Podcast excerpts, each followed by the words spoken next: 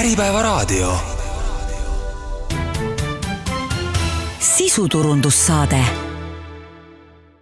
tere, eetris on sisuturundussaade, mina olen virtuaalkliiniki ärijuht Tuuli Seinberg ja minu külaline on täna doktor Reili Rebane Turman silmakliinikust. tere! meie teema on täna periokulaarse piirkonna noorendamine, see periokulaarne kõlab nagu okultism mm. -hmm. mis asi see on no sisuliselt tegemist on äh, silmalaugude noorendamist äh, käsitlevate protseduuridega, kui me räägime nagu interventsioonidest või lõikustest, et äh, silmapiirkonna noorendamine oleks, ma arvan, selline hea vaste eesti keeles aga võiks ju arvata, et silmakliinikus arstid tegelevad siiski otseselt nägemisprobleemidega, ehk siis et see silm oleks terav ja särav, aga mitte niivõrd see silma ümbrus ei oleks sile. See on nagu pigem selline ilukliiniku teema ja on suunatud inimestele, sellistele inimestele, kes tahaks igavesti noored välja näha, et äh, kuidas teie kliinik siis nüüd selle silmaümbruse teema juurde jõudis? Tegelikult äh, silmaarstid tegelevad äh, silmaümbrusega igapäevaselt, et äh, tulles nagu natuke kaugemalt sinna selle nagu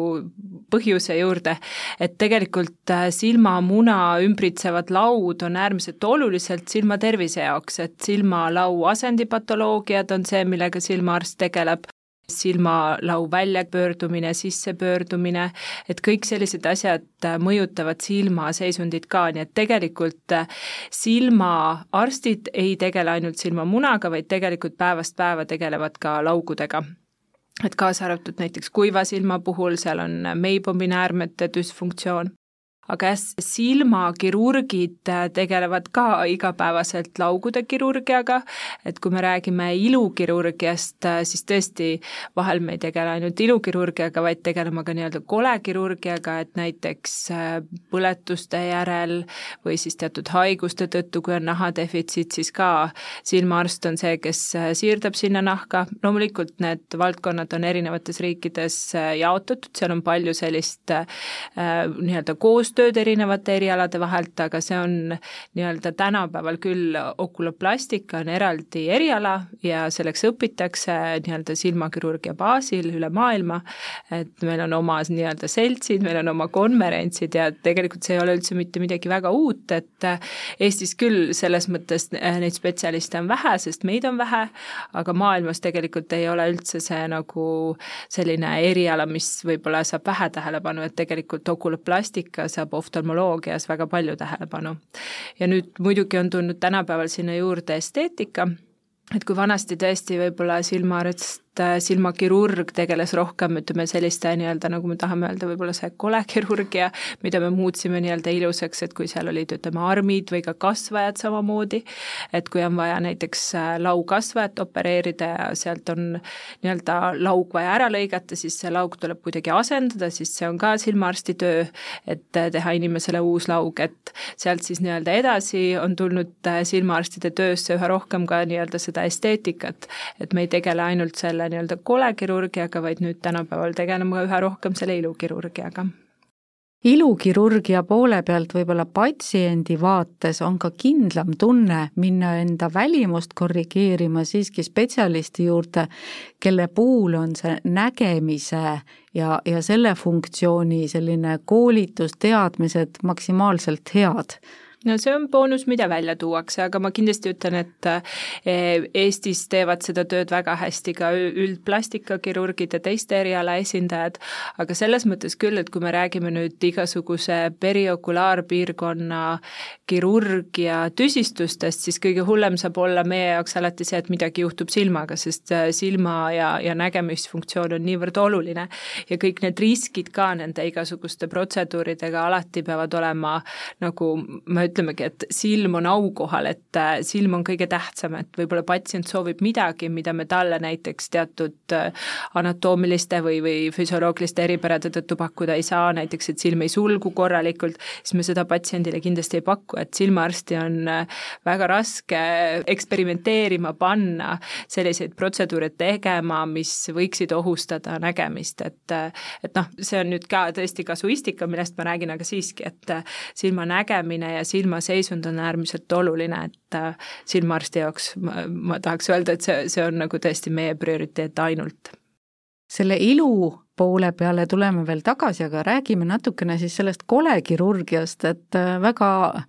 vahva termin ühtepidi, aga ma loodan või arvan, et keegi sellega tegelikult kokku puutuda ei taha mm, -hmm. patsientide poole pealt vähemalt. aga mis siis silmapiirkonna kolekirurgia alla üldse käib, et äh, meil on silma juures erinevad raheterad, siis osadel inimestel on sellised imelikud valged moodustised mm -hmm. seal silmade juures, et mis juhtudel võiks tulla siis Turman silmakliinikusse, lasta üle vaadata ja eemaldada need asjad ja mis asjad need kõik on, mida eemaldada saab ja võiks mm? -hmm et noh, kui me räägime, ütleme siin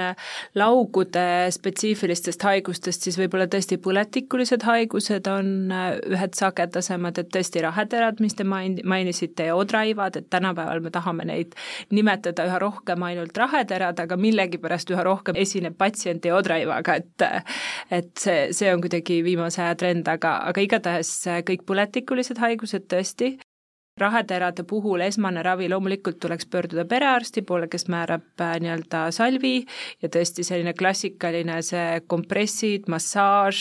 kas siis äh, kuldsõrmusega või plastmassist sõrmusega, vahet ei ole, et see kõik see kehtib, aga tõesti, kui näiteks see rahetera juba püsib mitu kuud, segab kosmeetiliselt, et siis tõesti on vaja äh, sekkuda kirurgiliselt, et nad ei pruugi ise ära minna, iga rahetera ei ole ise limiteeruv, et ta vajab ikkagi tihtipeale ka kirurgilist sekkumist. siis äh, erinevad nahanäsad, papilloomid, mis tekivad, täpselt keegi ju ei tea, miks nad tekivad, viirushaigustega seostatakse selline ähm, jah, täpne põhjus on tänapäeval teadmata, aga neid on ka võimalik eemaldada nii nii-öelda tavalise skalpelli ja noaga ja, ja ka samamoodi laseriga siis võib-olla kolmandana, mis nii-öelda menüüs on, on võib-olla ksantelasmid, sellised äh, kullakad ladestused, mis ka seostatakse kolesterooliga, aga seos ei ole ka jällegi üks-ühele, et meditsiinis kipub olema, et äh, tahaks küll, et kui patsiendil on sellised kollakad ladestised laugude peal, et kas kolesterool on korras, aga paljudel ikkagi on ja osadel ei ole ka ja teaduse mõttes me täpselt ei tea, miks nad sinna tekivad, aga neid on võimalik eemaldada ja siis saada esteetilisema, esteetiliselt parem tulemus. vahel ka sellised miiliumid, väikesed sellised äh, valged täpikesed, süringioomid, et tegelikult neid äh, periokulaarpiirkonna selliseid healoomulisi moodustusi on, on päris palju, et äh, kõike ma võib-olla siin ei hakkaks nagu ära mainima. aga ka kindlasti ütleme, silmapiirkonnas sellised punetavad uudismoodustised, et äh, siin-sinna kanti, et äh, meie ei vaata dermatoskoobiga, aga vaatame mikroskoobiga neid moodustisi ja samamoodi hindame pahaloomulisuse suhtes, et äh, kui jääb meil arvamus, et tegemist võiks olla ütleme, asjaga, mis ei ole healoomuline, siis kindlasti biopsia ja siis edasine hindamine okulopplastiliselt, et kas seal on vaja midagi korrigeerida, järellõikused. et see, see on see põhiline selline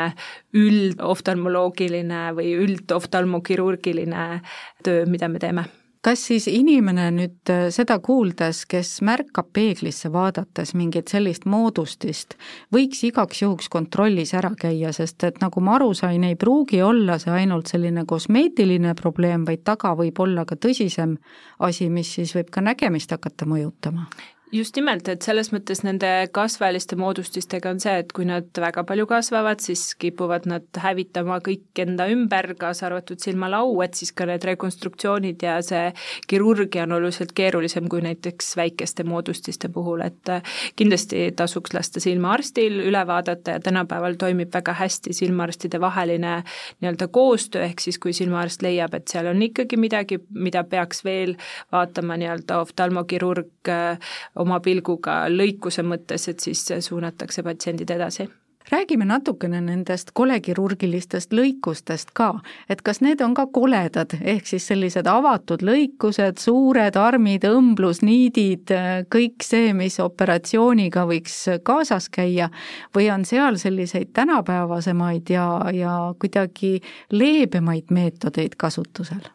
No selles mõttes ma tahaks korrigeerida, et silmahaigustes meil on ikka väga ilus eriala ja enamik lõikusi on õnneks äh, selles mõttes ma, ma tahaks öelda, et on delikaatsed, kui, kui nagu see haigus seda võimaldab, et selliseid väga suuri lõikeid ja väga drastilisi nii-öelda kirurgiaid tuleb harva ette, aga tuleb siiski. Aga, aga jah, pean ütlema, et äh, selles mõttes äh, nende lõikuste käigus sellised kirurgia baasprintsiibid kehtivad meil ka, aga meie võib-olla kitsendus on see, et äh, tõesti see silmalau nii-öelda, kuidas ma ütlen, asend või see nagu ehitus, et teatud eripärad, et me peame hoidma hästi horisontaalset sellist pinget ja me ei saa tekitada sellist vertikaalset pinget, et lauk pärast kokku ei lähe. Ja pluss loomulikult see, et silmalau nahk, et see on organismi või keha kõige õhem nahk, et kui me räägime näiteks naha siirdamisest, siis meile vähesed piirkonnad äh, on need, kust seda nahka võtta, et noh, siin näiteks kõrva tagant on võimalik võtta või siis siin ütleme, kaelaaluse piirkonnast, et aga aga jah, see, selles mõttes teatud eripärad on, on periokulaarkirurgias küll, jah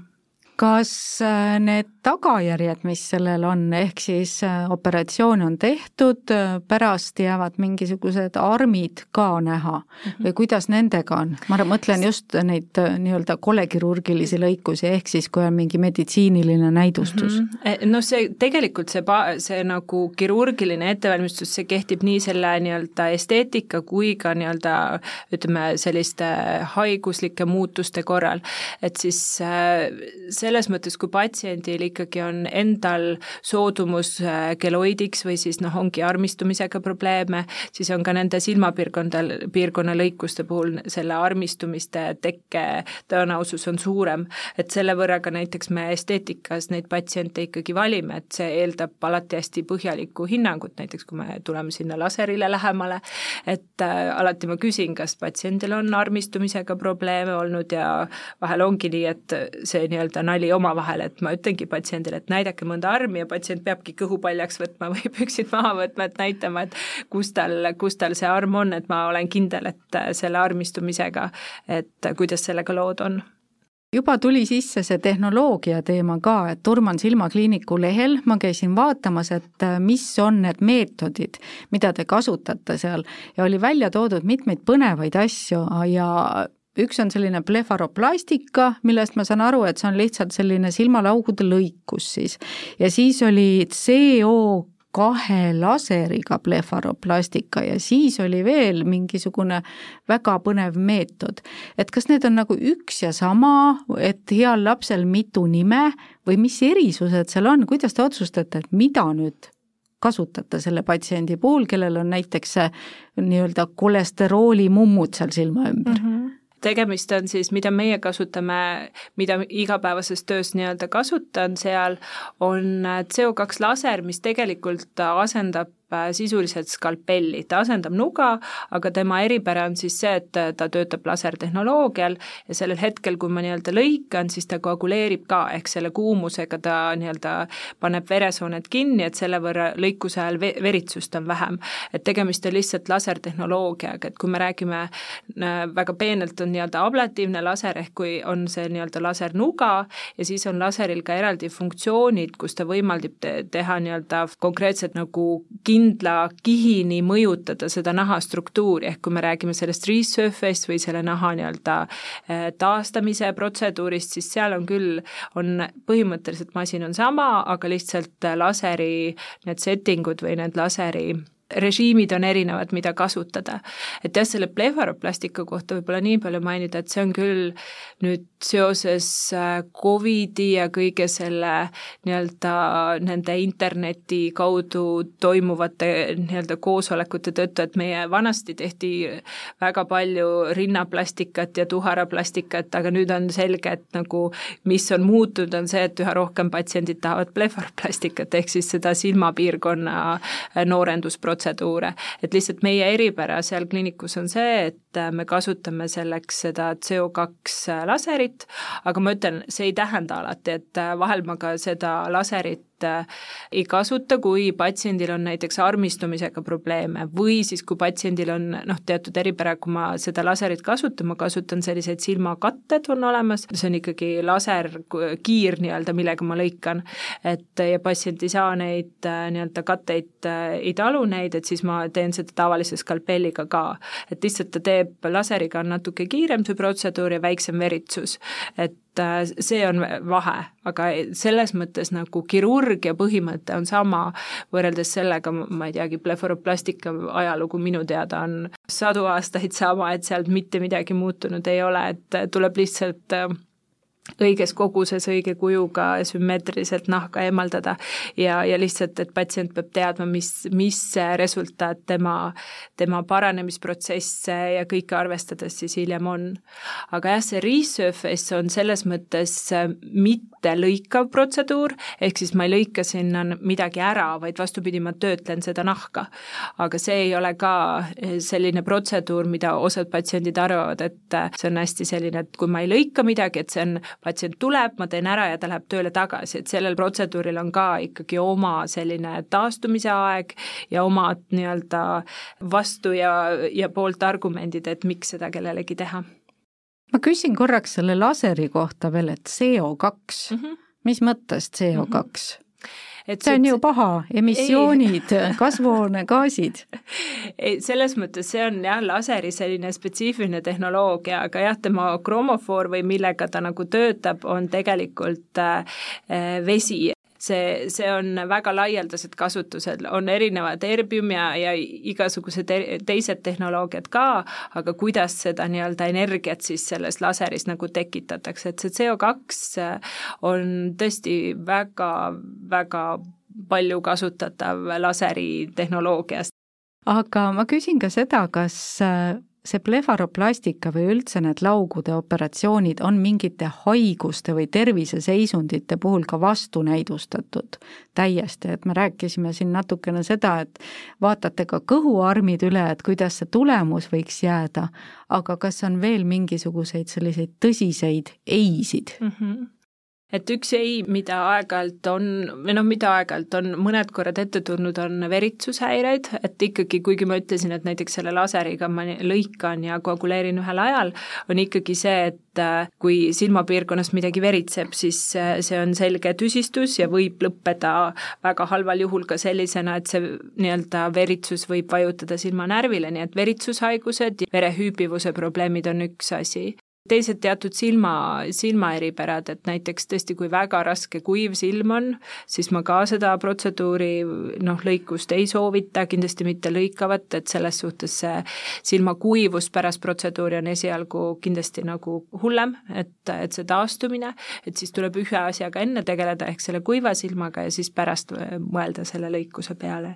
et need on nagu põhilised esmased, mis meelde tulevad aga kui inimesel on enne tehtud mingi nägemist korrigeeriv operatsioon, et see ei ole vastunäidustus? ei, see ei ole vastunäidustus, et ma ütlen, lõikuse käigus meie põhieesmärk ongi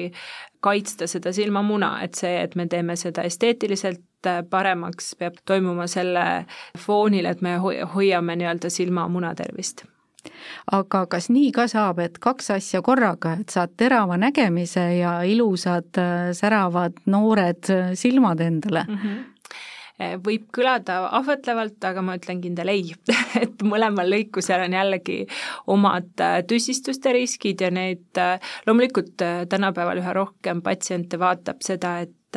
saaks ajalises mõttes, et oleks justkui üks taastumine, aga kindlasti mina seda ei soovita kuskil ja seda ise ei teosta, et esiteks sarvkestakirurgid teevad neid äh, nägemise korrigeerivaid lõikusi ja siis okulaplastilised kirurgid ja, ja selles mõttes äh, üldjuhul need kirurgid, kes ei tegele sarvkestega, teevad seda blefaroplastikat, siis äh, jah, pigem see ei tule kõne alla kui pikk see vahe peaks olema, et kui enne teha näiteks nägemist korrigeeriv operatsioon ja siis võtta ka silmaümbrus ette? Äh, see on hea küsimus, kindlasti saab erinevaid vastuseid erinevatelt kolleegidelt küsides, aga noh, mina soovitan küll vähemalt pool aastat sellistel nagu valikulistel protseduuridel vahet pidada, et eriti noh, kui tegemist on, ütleme, ega nägemise puhul ka, et selles mõttes äh, osad inimesed on väga õnnelikud prilli kandes, osad ütlevad, et hommikul esimene asi, see on selline, mida nad ei tahaks teha, et et prillid iseenesest on abivahend ja ei ole see haigus, et tänapäeval on rohkem inimesi, kes vajab prille, kui neid, kes ei vaja prille. ja isegi noh, need patsiendid, kes on näiteks ütleme, selle lasersilmalõikuse teinud noorena, siis hiljem ikkagi vanusega seotud lugemisnõrkus meil kõigil tuleb, et et see vahe jah, võiks selliste valikuliste protseduuride puhul minu arvates olla pool aastat. aga kumb on mõttekas varem teha, see on täiesti valikuline küsimus, aga üldjuhul on ikkagi nii, et laserkirurgia on ikkagi kahekümnendates, kolmekümnendates kirurgia ja blefaroplastika on ikkagi kolmekümnendates, neljakümnendates ja pigem viiekümnendat, kuuekümnendat kirurgia, et seda nahka ju tegelikult, kui me räägime blefaroplastikast, siis noh, on teatud inimestel, ütleme anatoomiliselt, et see on nagu eluaeg, ütleme, osasid patsiente seganud, et nüüd nad tahavad seda eemaldada, aga see on ikkagi gravitatsioon ja jah, vananemine, selline väärikas vananemine, et meil natukene see nahk kipub siin rippuma ja, ja see, see on jah, aja küsimus nii-öelda. Me rääkisime saate esimeses pooles, nagu te ütlesite nii vahvasti, kolekirurgiast ehk sellest, et kuidas ja mis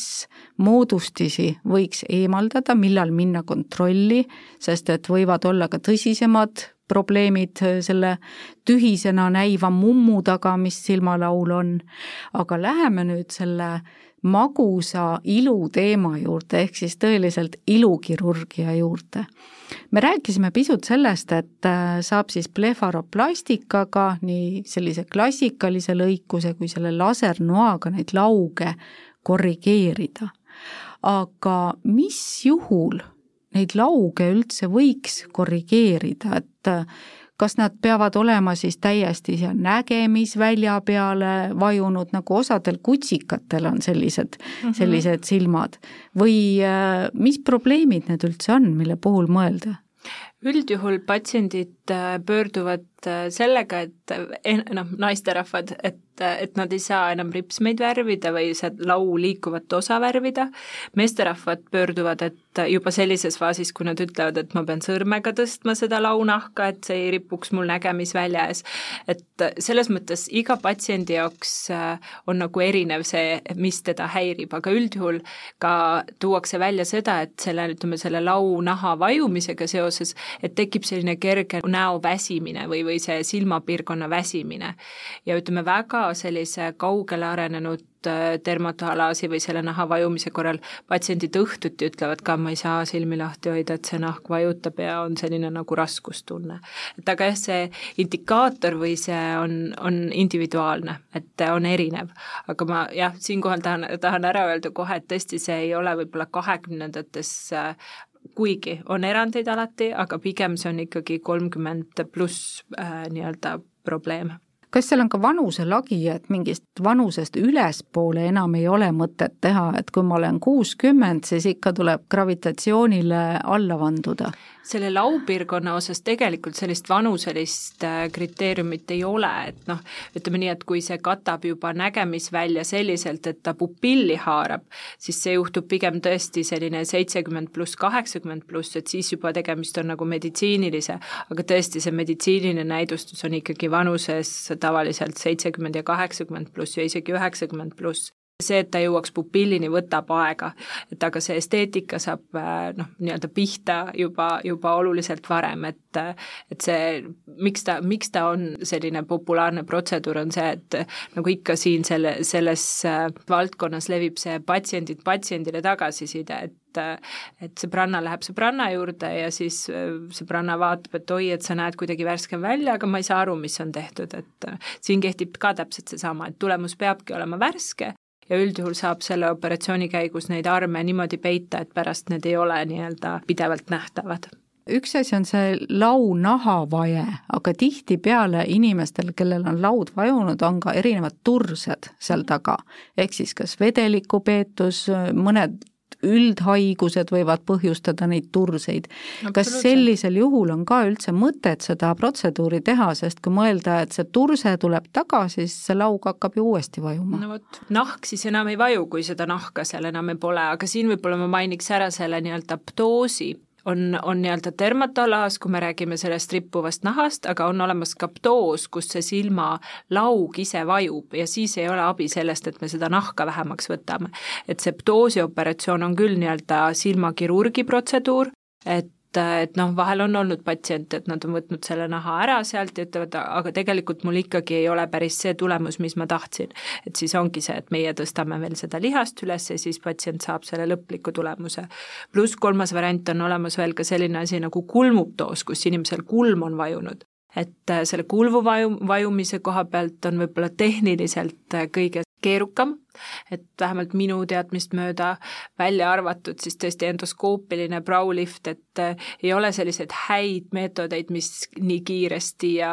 ja vähese taastumise ajaga annaksid head tulemust, et äh, aga jah, paljudel patsientidel võib olla kombineeritud kulmuptoos pluss dermatohalaas ja natuke väiksemal hulgal patsientidel on nii-öelda see lauptoos pluss dermatohalaas. aga noh, kui on seal nii-öelda ptoos ja dermatolaas, siis me saame seda kombineerida, et teha selle dermatolaasi ja siis doosioperatsiooniga millal te kasutate silmaümbruses siis seda lihvimist? et äh, lihvimist äh,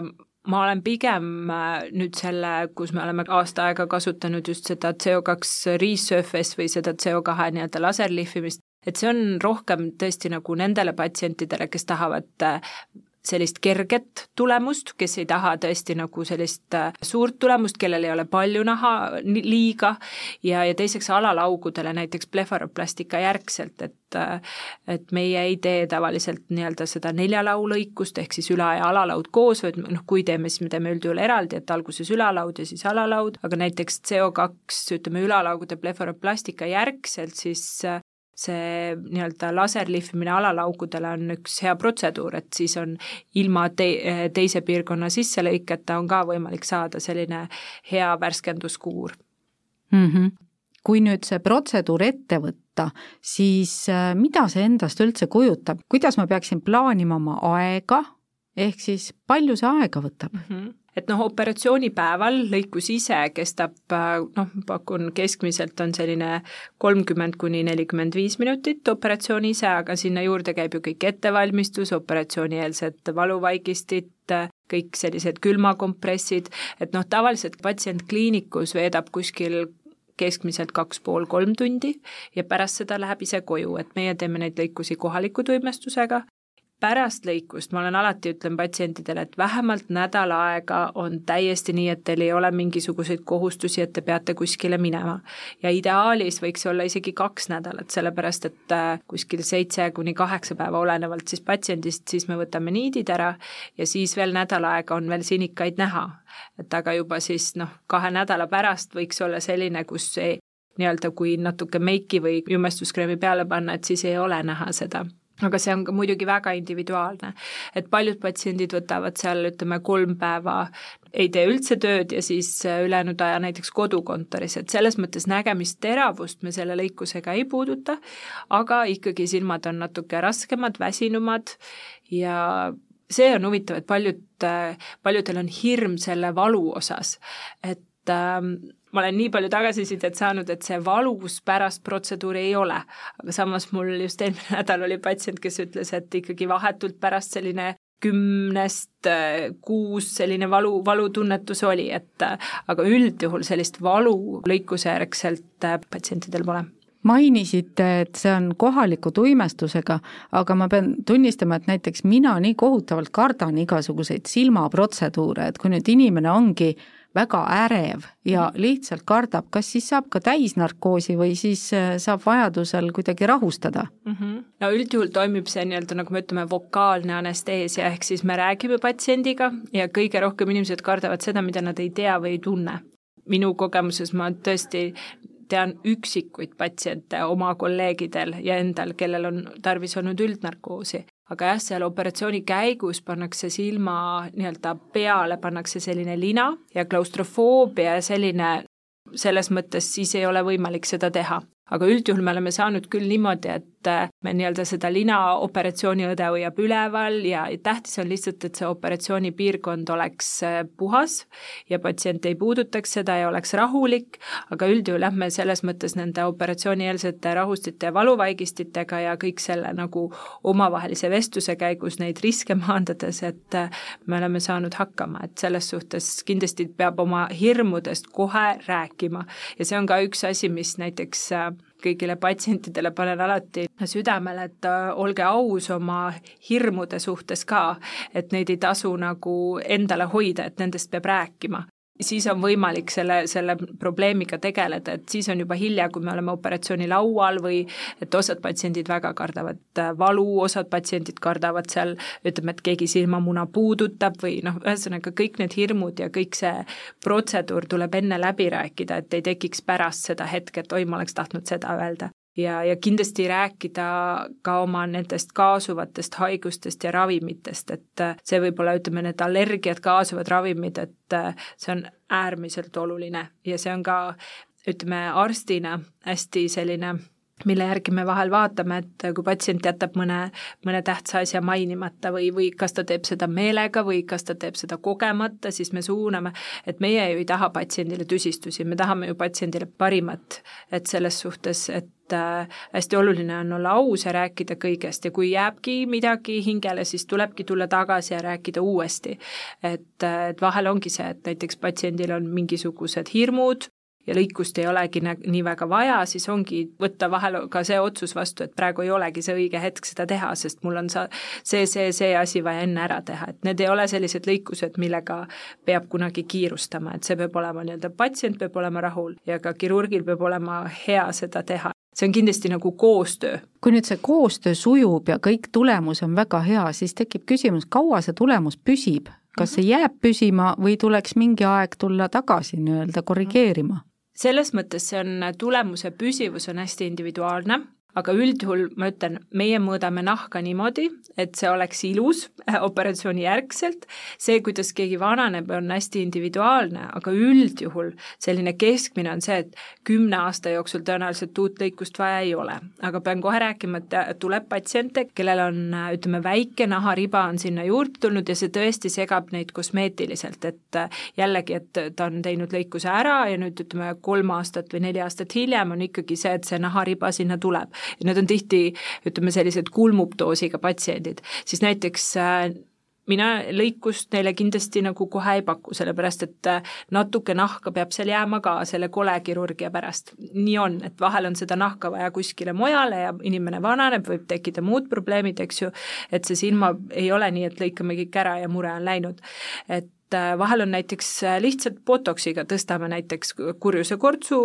glabella piirkonda nii-öelda süstides on võimalik äh, kulmu kerge tõus saavutada ja sellega ka tegelikult need voldid ja selline raskustunne kaob ära. et äh, seda me teeme ka, vahel me kombineerime omavahel seda resurface ja näiteks botox, et ei ole alati iga patsiendi puhul see blefaroplastika see, jah. Pärast seda protseduuri, et äh, oli jutuks ka see, et te ei tee kunagi nelja silma korraga, ehk siis alalauge ei tee mhm. korraga, kui teete ülalauge kui pika ooteaja järel võiks teha nagu alalaud ka, et oleks see pilt selline mm -hmm. päris ilus? No tavaliselt äh, selline vahe oleks tegelikult, ma ütlen, pool aastat, et selles mõttes siis on juba nii-öelda lõplik karmistumine toimunud, meil on enam-vähem see tulemus olemas, kuigi vahel võtab see isegi, ütleme, et tursete kadumine ja nii edasi. Ja noh, siis on ka see kogemus, kuidas see patsient paraneb. ja alati ülalaud paranevad paremini kui alalaud, et äh, ma arvan, et kõik okulüplastilised ja, ja nii-öelda silmapiirkonnas lõikavad kirurgid nõustuvad sellega, et ülalauk on tehnilises mõttes äh, ma ei taha öelda kergem, ei ole alati kergem, et seal on ka omad nüansid, aga selles mõttes äh, ütleme nii, et alalaug on tihti suurem väljakutse kui ülalaug, et äh, siis alustada ülalaust ja siis näha, kuidas see nahk reageerib, kuidas patsient paraneb ja siis liikuda alalau juurde aga on ka selles mõttes erandeid, et kui näiteks patsiendil on alalaul hästi suur vajumine, hästi suur nahalõtvus, et siis seda esteetikat jällegi suurema tulemuse annab alalaugude lõikus kui ülalaug, et siis me teeme ikkagi alalaud enne, et noh, see on hästi individuaalne, aga jah, mina soovitaks küll sellist poole, pooleaastast vahet et siis ka patsient oma, ütleme, igapäevaelus ka saab, et ta teeb ühe lõikuse ära, ta saab oma tavapärase elu juurde ja siis ta jällegi saab selle kaks nädalat endale võtta, kus ta nii-öelda on tööst eemal, ei pea kuskile kiirustama ja, ja saab rahulikult nii-öelda keskenduda enda paranemisele või siis nii, et iga aasta puhkusest eraldada kaks nädalat siis iluprotseduuride jaoks? no see, see on üks võimalus, jah. kas teil on tulnud teha ka selliseid äh, garantiiremonte või, või kordusoperatsioone näiteks inimestele, kes on käinud kuskil välismaal tundmatutes kliinikutes ennast korrigeerimas, langenud mingi reklaami ohvriks ja siis teinud seal kuskil soodsa hinnaga sellise kahtlase väärtusega protseduuri, mille tulemus ei ole ootuspärane mm? -hmm no eks ikka tuleb selliseid olukordi ette, et ükski, nagu ma ütlen, ükski kirurgia ei ole tüsistusteta ja neid tüsistused võib juhtuda igaühel, et selles mõttes ütleme, nagu tüsistuste mõttes võib-olla tõesti jällegi tulles on alalaud sellised, kus äh, nii-öelda selle väga hea tulemuse saamiseks võtab rohkem aega ja pigem hetkel ma ütleks niimoodi, et on rohkem neid patsiente, kellel võib-olla on tehtud alalaugude blefaroplastika siin kakskümmend, kolmkümmend aastat tagasi, aga nüüd sellises vanuses, kus juba gravitatsioon on oma töö teinud, siis see alalaug näiteks ei liibu vastu silmamuna. et selliseid patsiente ikka, ikka on küll,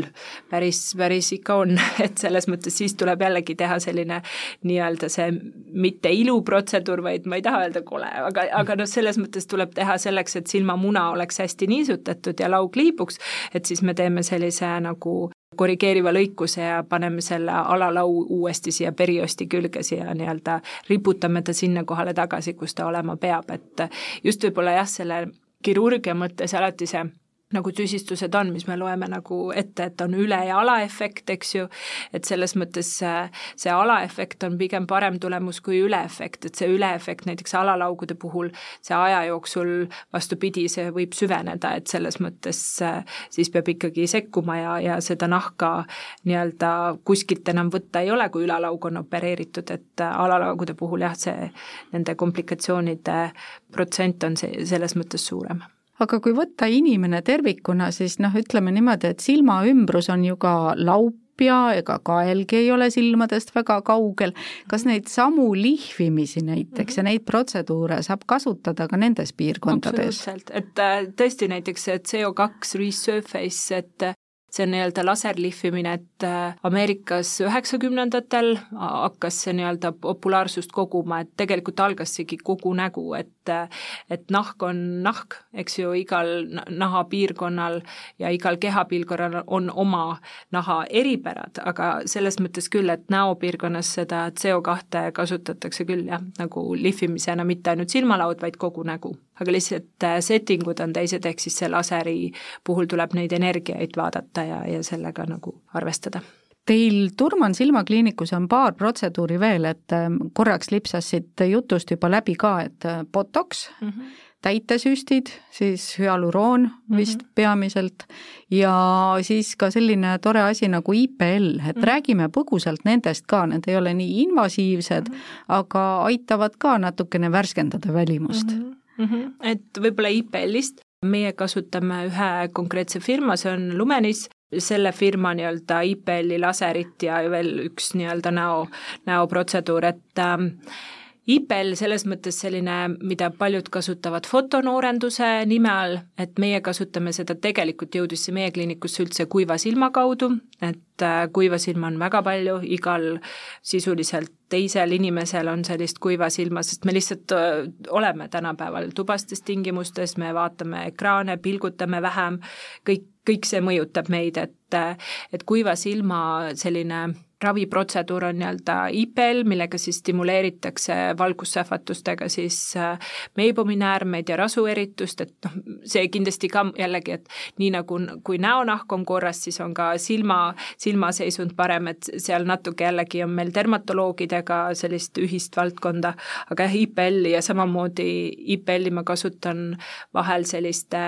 ütleme, pigmentatsioonimuutustega patsientidel, et et see ka näiteks laserijärgselt, mida ma ka tahan ära mainida, on see, et päikese osas, et see on mulle ka alati, ma patsiendile loen peale, et SPF viiskümmend, et palun hoidke ennast päikese eest, et selles mõttes nahk on vastuvõtlikum päikesepõletusele ja on kergemini tekivad sellised pigmendilaigud, et neid jällegi ma saan ravida selle IPL-iga või noh, saan nii-öelda mõjutada selle IPL aparaadiga siis Botox tõesti, et et siin on vahel selles mõttes, et silmaarst teeb botox, siis noh, botox tegelikult meditsiini jõudiski tegelikult läbi oftalmoloogia ehk silmahaigust, et sellega on ravitud strabismi ehk kõõrtsilmsust,